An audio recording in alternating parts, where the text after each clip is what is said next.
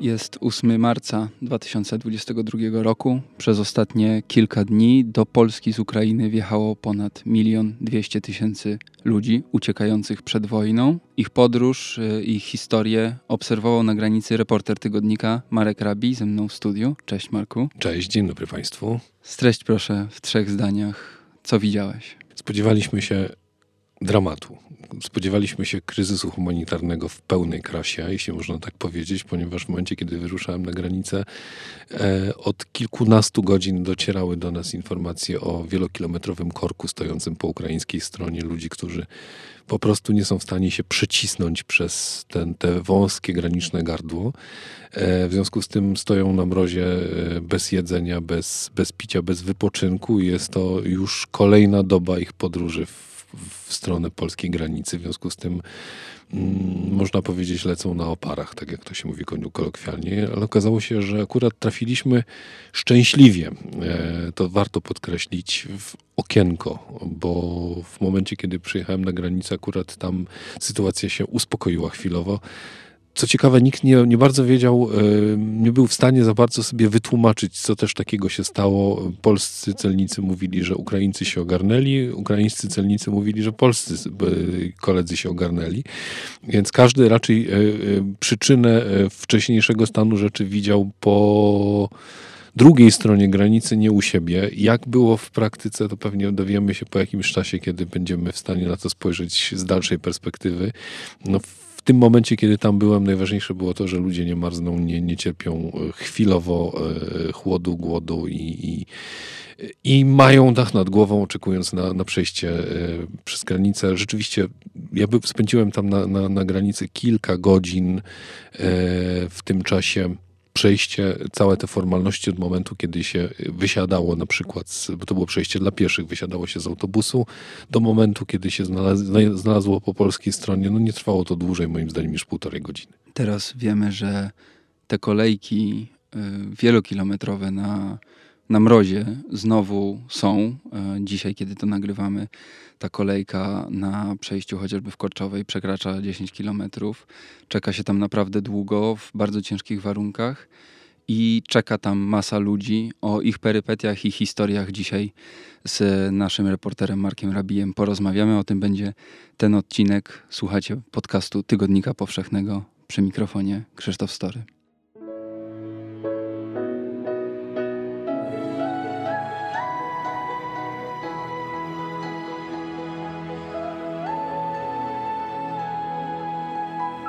Podcast powszechny. Weź, słuchaj. Najbardziej przejmujące z Twojej relacji, z przejścia, z wizyty na granicy są pożegnania. Pożegnania, o których wszyscy wiedzą, że mogą być ostatnie. Tak. I muszę przyznać, że to jest moment, kiedy jako dziennikarz y, odczuwam pewnego rodzaju niestosowność y, tego, że stoję obok y, przypatruję się tej sytuacji. Absolutnie nie śmiałbym, uważam, być może jest to błąd warsztatowy, natomiast nie pozwoliłbym sobie na to nawet pod e, karą jakąś urzędową, e, żeby w takiej sytuacji przeszkadzać ludziom w, w tym momencie, e, w, wchodzić w ich intymność, zadawać im jakieś pytania, wyrywać ich z tego momentu, który rzeczywiście jest dla nich kluczowy i, i, i bardzo bolesny, bo to widać z daleka. Więc najlepsze, moim zdaniem, co można w takiej sytuacji zrobić, to po prostu się odsunąć i, i nie przeszkadzać. Tam co chwilę rzeczywiście na granicę podjeżdżają e, samochody, z tych aut wysiadają rodziny. Mm, bardzo często jest właśnie tak, że kierowca e, wyjmuje bagaże ściska żonę, ściska dzieci, które oczywiście płaczą, wieszają mu się na szyi. Yy, uspokaja te dzieci, mówi, że wszystko będzie dobrze, ale yy, nie trzeba być naprawdę jakimś wnikliwym psychologiem, żeby zobaczyć, że twarz tej, tego mężczyzny mówi coś zupełnie innego. Yy, w końcu siłą najczęściej, delikatnie, ale stanowczo strzepują te dzieci z, z własnych szyi wsiadają w samochód i odjeżdżają. E, rodzina ustawia się w, na przejściu i czeka na procedurę graniczną, żeby przejść na polską stronę. I to właściwie ten obrazek tam się powtarza co chwilę, co, co kilkanaście minut. E, pogranicznicy ukraińscy też są wyczuleni na, na ten moment i na to, żeby tym rodzinom zapewnić przynajmniej jakiś minimum komfortu i intymności na tyle, na ile jest to możliwe na granicy. Tylko, tylko bardziej tytułem jakiejś anegdoty wspomnę, że właśnie moja obecność tam na przejściu granicznym, a nie wolno mi tam było być ze względu na to, że e, Ukraina w tej chwili od dziennikarzy zagranicznych wymaga oficjalnej akredytacji. Ja przekroczyłem granicę po prostu jako, jako turysta z polskiej strony. E, nie miałem takiego zezwolenia, w związku z tym powiedziano mi, że będę tam tolerowany na trzech warunkach, pod trzema warunkami. Pierwszy oczywiście nie fotografuję żołnierzy, nie fotografuję również obiektów granicznych, żadnych instalacji. To jest drugi warunek, też w pełni oczywisty i trzeci, który, którego nawet nawet nikt nie musiał mi e, eksplikować, ale również to padło wyraźnie, że nie przeszkadzam rodzinom w, w pożegnaniu, a jak będę, no to skończy się to dla mnie boleśnie i jasno mi dano do zrozumienia, że nie chodzi o konsekwencje natury prawnej, tylko wręcz przeciwnie. Po prostu będzie to załatwione mocno, jasno i po męsku. Cytując twój tekst w najnowszym numerze tygodnika dostępnym od 9 marca, po prostu ci powiedziano, że dostaniesz w ryj. Nie dostałem nie dostałeś bardzo dobrze, e, natomiast rozmawiałeś z ludźmi, e, bohaterkami twojego tekstu no, są głównie kobiety. E, jest Julia, która przyjechała z Nowej Kachowki pod Chersoniem. To są ludzie, głównie kobiety, dzieci i osoby starsze, tak? No bo mężczyźni od 18 do 60 roku nie wyjeżdżają z Ukrainy, bo są objęci obowiązkiem mobilizacyjnym. Dwa miliony ludzi w tym momencie przez wszystkie granice Ukrainy wyjechało, którzy niosą całe swoje życie najczęściej w małych walizeczkach, które mieszczą się w bagażu podręcznym w samolotach.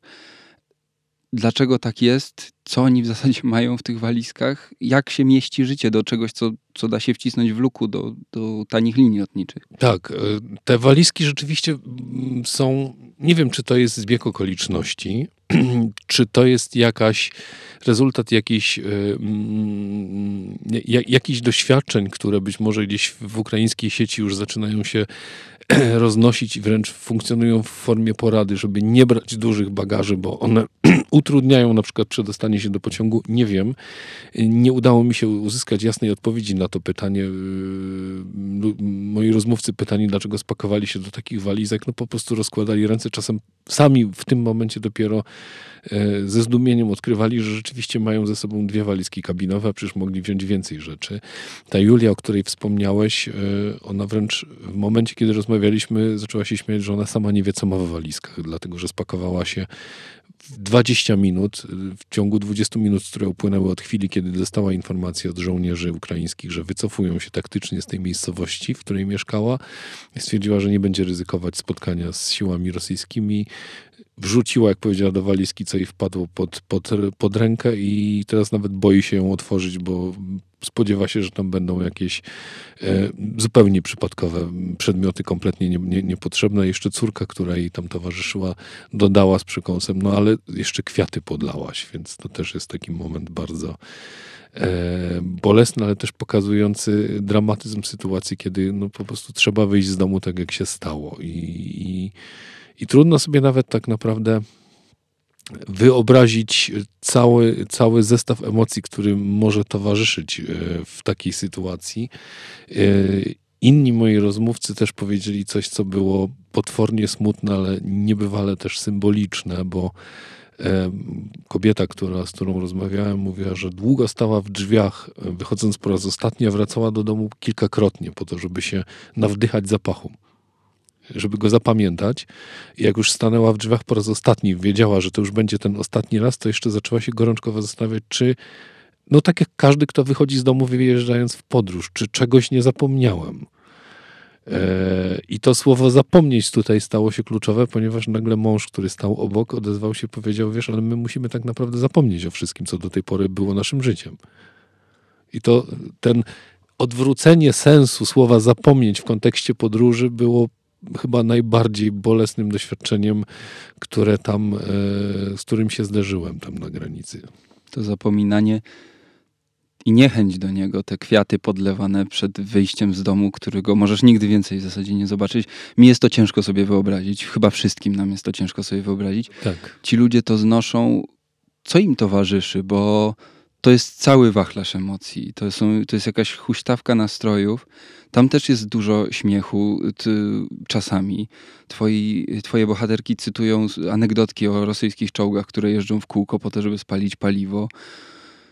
To nie jest tylko smutek, płacz, ale też ogromna determinacja yy, i jakieś takie ogromny spokój momentami, wy, wybija z tych relacji. Czy to, ty też tak to czułeś? Wiesz, ja nie wiem, czy to jest spokój, być może to jest zmęczenie, być może jest to rezygnacja. Na pewno po kilkudziesięciu godzinach podróży którą się zaczyna, jeśli można tak powiedzieć, z wysokiego C, no bo z reguły wiąże się to z opuszczeniem domu, bardzo często właśnie w okolicznościach zupełnie niezaplanowanych. Niekiedy w sytuacji, kiedy y, ma się do czynienia z bezpośrednim zagrożeniem życia, albo wcześniej, tuż przed chwilą było się świadkiem y, y, bombardowania, zastrzelenia sąsiadki, która wyszła do ogródka żeby wykopać cebulę z kopca i nagle dostała kulę. E, jak się zaczyna tak jak, jak, jak właśnie powiedziałem, no to to jest taki hitchcockowski scenariusz. Właściwie trudno pójść wyżej w emocjach. Te emocje mogą wyłącznie chyba opadać, yy, mogą fluktuować, będzie tam na pewno jakaś sinusoida, ale no nie wyobrażam sobie, żeby funkcjonować na, na, na najwyższych yy, emocjonalnych obrotach przez te 40 kilka godzin. W którymś momencie na szczęście chyba yy, górę bierze zmęczenie, pewnie nawet pewnego rodzaju otępienie. E, I też muszą zadziałać mechanizmy obronne, choćby takie jak wyparcie i ironia, która no, powiedzmy sobie szczerze, e, słowiańska kultura słynie z tego, żeby, że właśnie e, trudne sytuacje bierze na klatę, mówiąc kolokwialnie, mm, z ironią, z, z pogodą ducha, na jaką można sobie w tej sytuacji e, pozwolić. No i rzeczywiście był taki moment, kiedy wspomniana Julia z Nowej Kachowki, która wyszła z domu z dwiema walizkami, nie wiedziała, co nawet w nich ma, zdała sobie sprawę, że jej córka ma tylko jedną parę butów kozaki, które po prostu nałożyła w momencie, kiedy wychodziła. Idzie wiosna i córka ma jedną parę butów. I teraz, y, gdybyśmy sobie spróbowali rozłożyć na czynniki pierwsze e, ten proces myślowy, który prawdopodobnie w matczynej głowie zaszedł, e, widać wyraźnie, że tam po prostu zaczyna nagle działać wyobraźnia, że przecież moja córka ma tylko jedną parę butów, a e, nie może, nie, dziecko nie może mieć jednej pary butów, prawda? Więc y, to natychmiast na, wyrasta do, do, do rangi jakiegoś kluczowego problemu i, i wręcz przełamuje różnego rodzaju blokady i, i, i zmęczenie Julii, która zaczyna płakać, zaczyna, zaczyna, zaczyna tam wręcz zawodzić na granicy. I natychmiast inni ludzie, którzy tam e, z nią stoją, e, nie pocieszają jej. To nie o to chodzi, że tam ktoś ją zaczyna obejmować, głaskać po głowie. To nie, nie, nie jest ten mechanizm. Po prostu nagle pojawiają się inne historie, które pozwalają odwrócić uwagę e, tej osoby od, od, od jej konkretnego przypadku. I rzeczywiście tam usłyszeliśmy historyjkę o kilku, nie pamiętam, chyba dwóch albo trzech czołgach rosyjskich, które miały jeździć wokół małej wioseczki cały czas, kopcąc, straszliwie hałasując. Wreszcie jedna z pań nie wytrzymała, jak twierdzi, poszła zapytać y, Rosjan, co też oni robią. Oni grzecznie, uprzejmie wyjaśnili, mateczko, nie denerwujcie się, wypalimy tylko paliwo i pójdziemy sobie stąd, bo wojować już nam się nie chce. No. Pewnie nikt z nas nie chciałby takich żartów e, i takich anegdotek usłyszeć, ale one rzeczywiście w takiej sytuacji. Są mechanizmem obrony. Tak, mają, mają, mają swoje oddziaływanie psychologiczne. Śmiech przeciwko śmierci. Tak. Jest też jedno zdanie w Twoim tekście wypowiedziane przez e, Alinę, zdaje się, e, która przyjechała tutaj z kotką i z małym szczeniaczkiem Archim, tak. który zresztą mało nie zdemolował sprzętu jakiejś ekipy japońskiej telewizji ale jest tam zdanie, dopóki troszczymy się o zwierzęta, jesteśmy ludźmi. Jakby równorzędnymi bohaterami tego tekstu tak. są, są zwierzęta, które przyjeżdżają. To jest, ja nie odważyłbym się powiedzieć, że jest to jakiś znak rozpoznawczy tego kryzysu humanitarnego. Jeśli można powiedzieć, że kryzysy humanitarne mają jakieś e, cechy indywidualne, które pozwalają je między sobą rozróżniać, e, to mnie w oczy rzuca się rzeczywiście e, uwaga jak, jaką poświęca się zwierzętom domowym w tym, w tym dramacie. E, mamy po ukraińskiej stronie informacje o niebywałych, heroicznych e, wolontariuszach, którzy pod ostrzałem przedzierają się do schronisk dla zwierząt po to, żeby dowieść tam jedzenie. Mamy e, setki relacji z granicy o ludziach, którzy właśnie jadąc do Polski zabierają psa i kota, ale nie zabierają ubrań bo ubrania można kupić, a zwierzęta to są przyjaciele, to są członkowie rodziny. E, Alina, z którą poznałem już na dworcu w Przemyślu, e, aktorka z Zaporoża, właściwie bardziej tancerka, jak powiedziała sobie, e, jechała do mamy, która od wielu lat mieszka w Poznaniu i zabrała właśnie całą swoją rodzinę. Akurat była w, w, tej szczęśliwej sytuacji, że jej gospodarstwo domowe, jej rodzina to był właśnie mały trzymiesięczny, jeśli dobrze pamiętam, szczeniak Archie, straszny rozrabiaka, którego natychmiast pokochała cała obsługa dworca w, w Przemyślu i czternastoletnia kotka, która była tak zmęczona i przerażona tym wszystkim, co ją spotkało przez ostatnie e, doby, że nie miała siły po prostu wyjść e, z transportera. E, ja się skontaktowałem z Aliną, wszystko jest w porządku, zwierzęta w całkiem dobrym stanie przetrwały. Te, te podróż są w Poznaniu już, już się aklimatyzują. Alina chyba też już powoli dochodzi do siebie. Aczkolwiek zamieściła ostatnio na, na Facebooku taki e, sarkastyczny wpis, gdzie napisała status uchodźcy nie polecam. Dużo jest takich jasnych akcentów, czy związanych ze zwierzętami, czy tą falą pomocy, czy jakby takim spontaniczną ludzką solidarnością po prostu, to, o której mm, też mówisz. Do Poznania też dojechał transport przecież z azylu pod Kijowem, gdzie przyjechały lwy, tygrysy, jeden tak. likaon. E, też niesamowicie trudna operacja. To są takie rzeczy, które chyba nam wszystkim w tym momencie pomagają, ale one nie naprawiają tych historii. To dalej jest tak, że ci ludzie tam za sobą zostawili domy, całe życie, którego być może już nigdy więcej nie zobaczą. I wiem, że ty też bywasz, ja też zdarza mi się bywać na dworcu w Krakowie y, teraz, który zamienił się w takie centrum pomocy i organizacji, choć to szumne słowo w przypadku tak nagłego kryzysu, ja mam uczucie, że to jest po prostu nienaprawialne są te szkody, że gigantycznym wysiłkiem jesteśmy w stanie tylko przykleić plastry. Jak myślisz, czy ci ludzie już teraz mówią, czego oni będą potrzebować? Nie dzisiaj, bo dzisiaj potrzebują bardzo podstawowych rzeczy najczęściej, ale za tydzień, za miesiąc, za pół roku? Ja myślę, że oni sami nie wiedzą, czego będą potrzebować, bo nie wiedzą, jaka będzie ich sytuacja, jaki będzie ich status. Jak e, sam wiesz, e, kiedy się e, na przykład zawozi uchodźców do miejsca, w którym prześpią pierwsze, pierwszą noc w Polsce, to bardzo często oni mówią, na razie nie o niczym nie myślimy, chcemy odpocząć, chcemy wyczyścić głowę, może jutro, może pojutrze zaczniemy się zastanawiać, dokąd pojedziemy, co zrobimy, czy tu zostaniemy. Niektórzy mówią, że już do, do, do Ukrainy nie wrócą, e, tak jak moi bohaterowie, którzy mówią, że oni kochają Ukrainę, bo to jest ich ojczyzna, to jest ich krajobraz, to są ich zapachy. E, ale to nie jest państwo, w którym by chcieli żyć. I mają takie bolesne poczucie, że nawet ta Ukraina, która mogłaby się e, odbudować z gruzów poprzedniej, po, po ewentualnej wygranej, która też nie jest pewna przecież, raczej bym powiedział, że mniej wskazuje na, na, na szanse Ukraińców niestety w tym konflikcie niż na to, że, że będą stroną zwycięską, co mówię z bólem i, i z, z, absolutnie z przekonaniem, że powinno być odwrotnie. Więc ci ludzie mówią bardzo często, że oni nie chcą tam wrócić. E, ale myślę, że to nie są też deklaracje, które powinniśmy brać w tej chwili e, z całą powagą, ponieważ wszystko zależy od kontekstu, wszystko zależy od sytuacji. E, bez względu na to, jak ta sytuacja się by nie rozwinęła, z każdym dniem tej wojny i z każdym z każdą chwilą, z każdą śmiercią, z każdą bombą, która spadnie nam na, na, na ulicę w Kijowie, Hersoniu czy, czy, czy w Hostomelu, coraz bardziej aktualne będzie pytanie, które zadawał kilka tygodni temu inny bohater mojego tekstu, który wspominał swoją babcię, która w Drohobyczu przeżyła y, drugą wojnę światową i mówił, że pomimo strasznych rzeczy, których była świadkiem, y, była w stanie przez całe życie zachować olbrzymią radość, pogodę ducha i, i była w stanie być wsparciem dla swoich bliskich.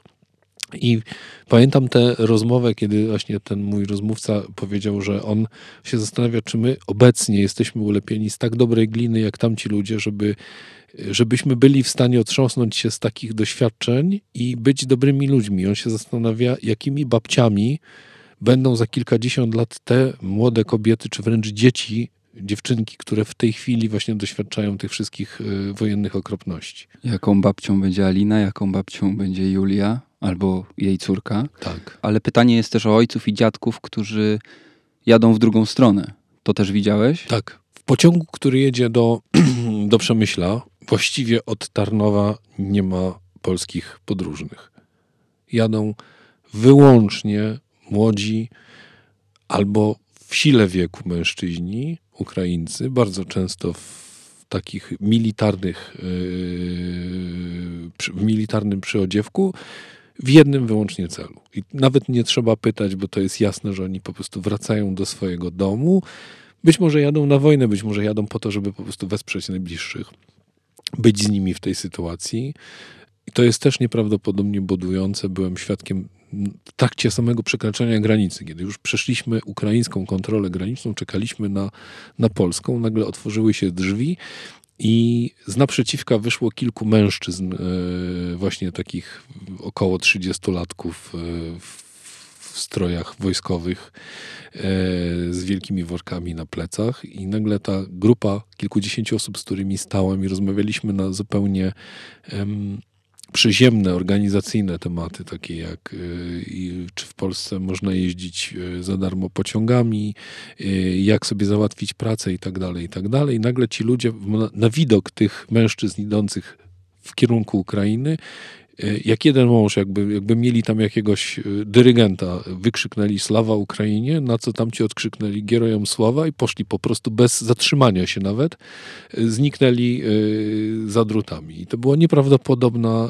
sytuacja, pełna takiego napięcia emocji pomiędzy tymi ludźmi, którzy przez moment właściwie stali się sobie bliscy, mimo że się kompletnie nie znali. Sława Ukrainie i tej Ukrainie, która jedzie walczyć, bronić swojej ojczyzny i tej, która przyjeżdża teraz do Polski. Obydwie potrzebują naszej pomocy. Takich historii jest miliony, e, będzie jeszcze więcej. Myślę, że opowiadanie ich jest też jakąś wartością, z dużą wrażliwością na intymność ludzką. E, przedstawiał Wam je dzisiaj mój gość i gość podcastu Tygodnika Powszechnego. Marek Rabi, dziękuję Ci bardzo za tę rozmowę. Dziękuję bardzo. A Wam dziękuję za wysłuchanie tego odcinka podcastu Tygodnika Powszechnego. Ja nazywam się Krzysztof Story, a w tym podcaście staramy się Wam pokazywać świat za pomocą różnych dźwięków i głosów. Pokazujemy Wam też sytuację w Ukrainie, różne jej aspekty, od tych strategicznych i militarnych po zwykłe, proste ludzkie historie. Taki był właśnie ten odcinek.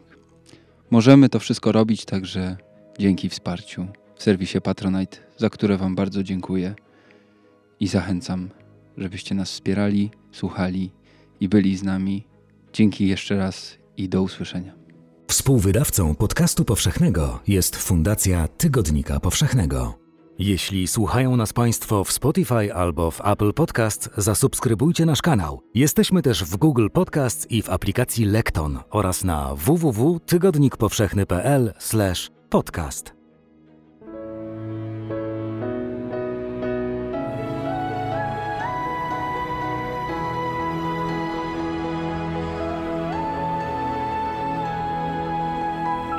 Podcast powszechny. Weź, słuchaj.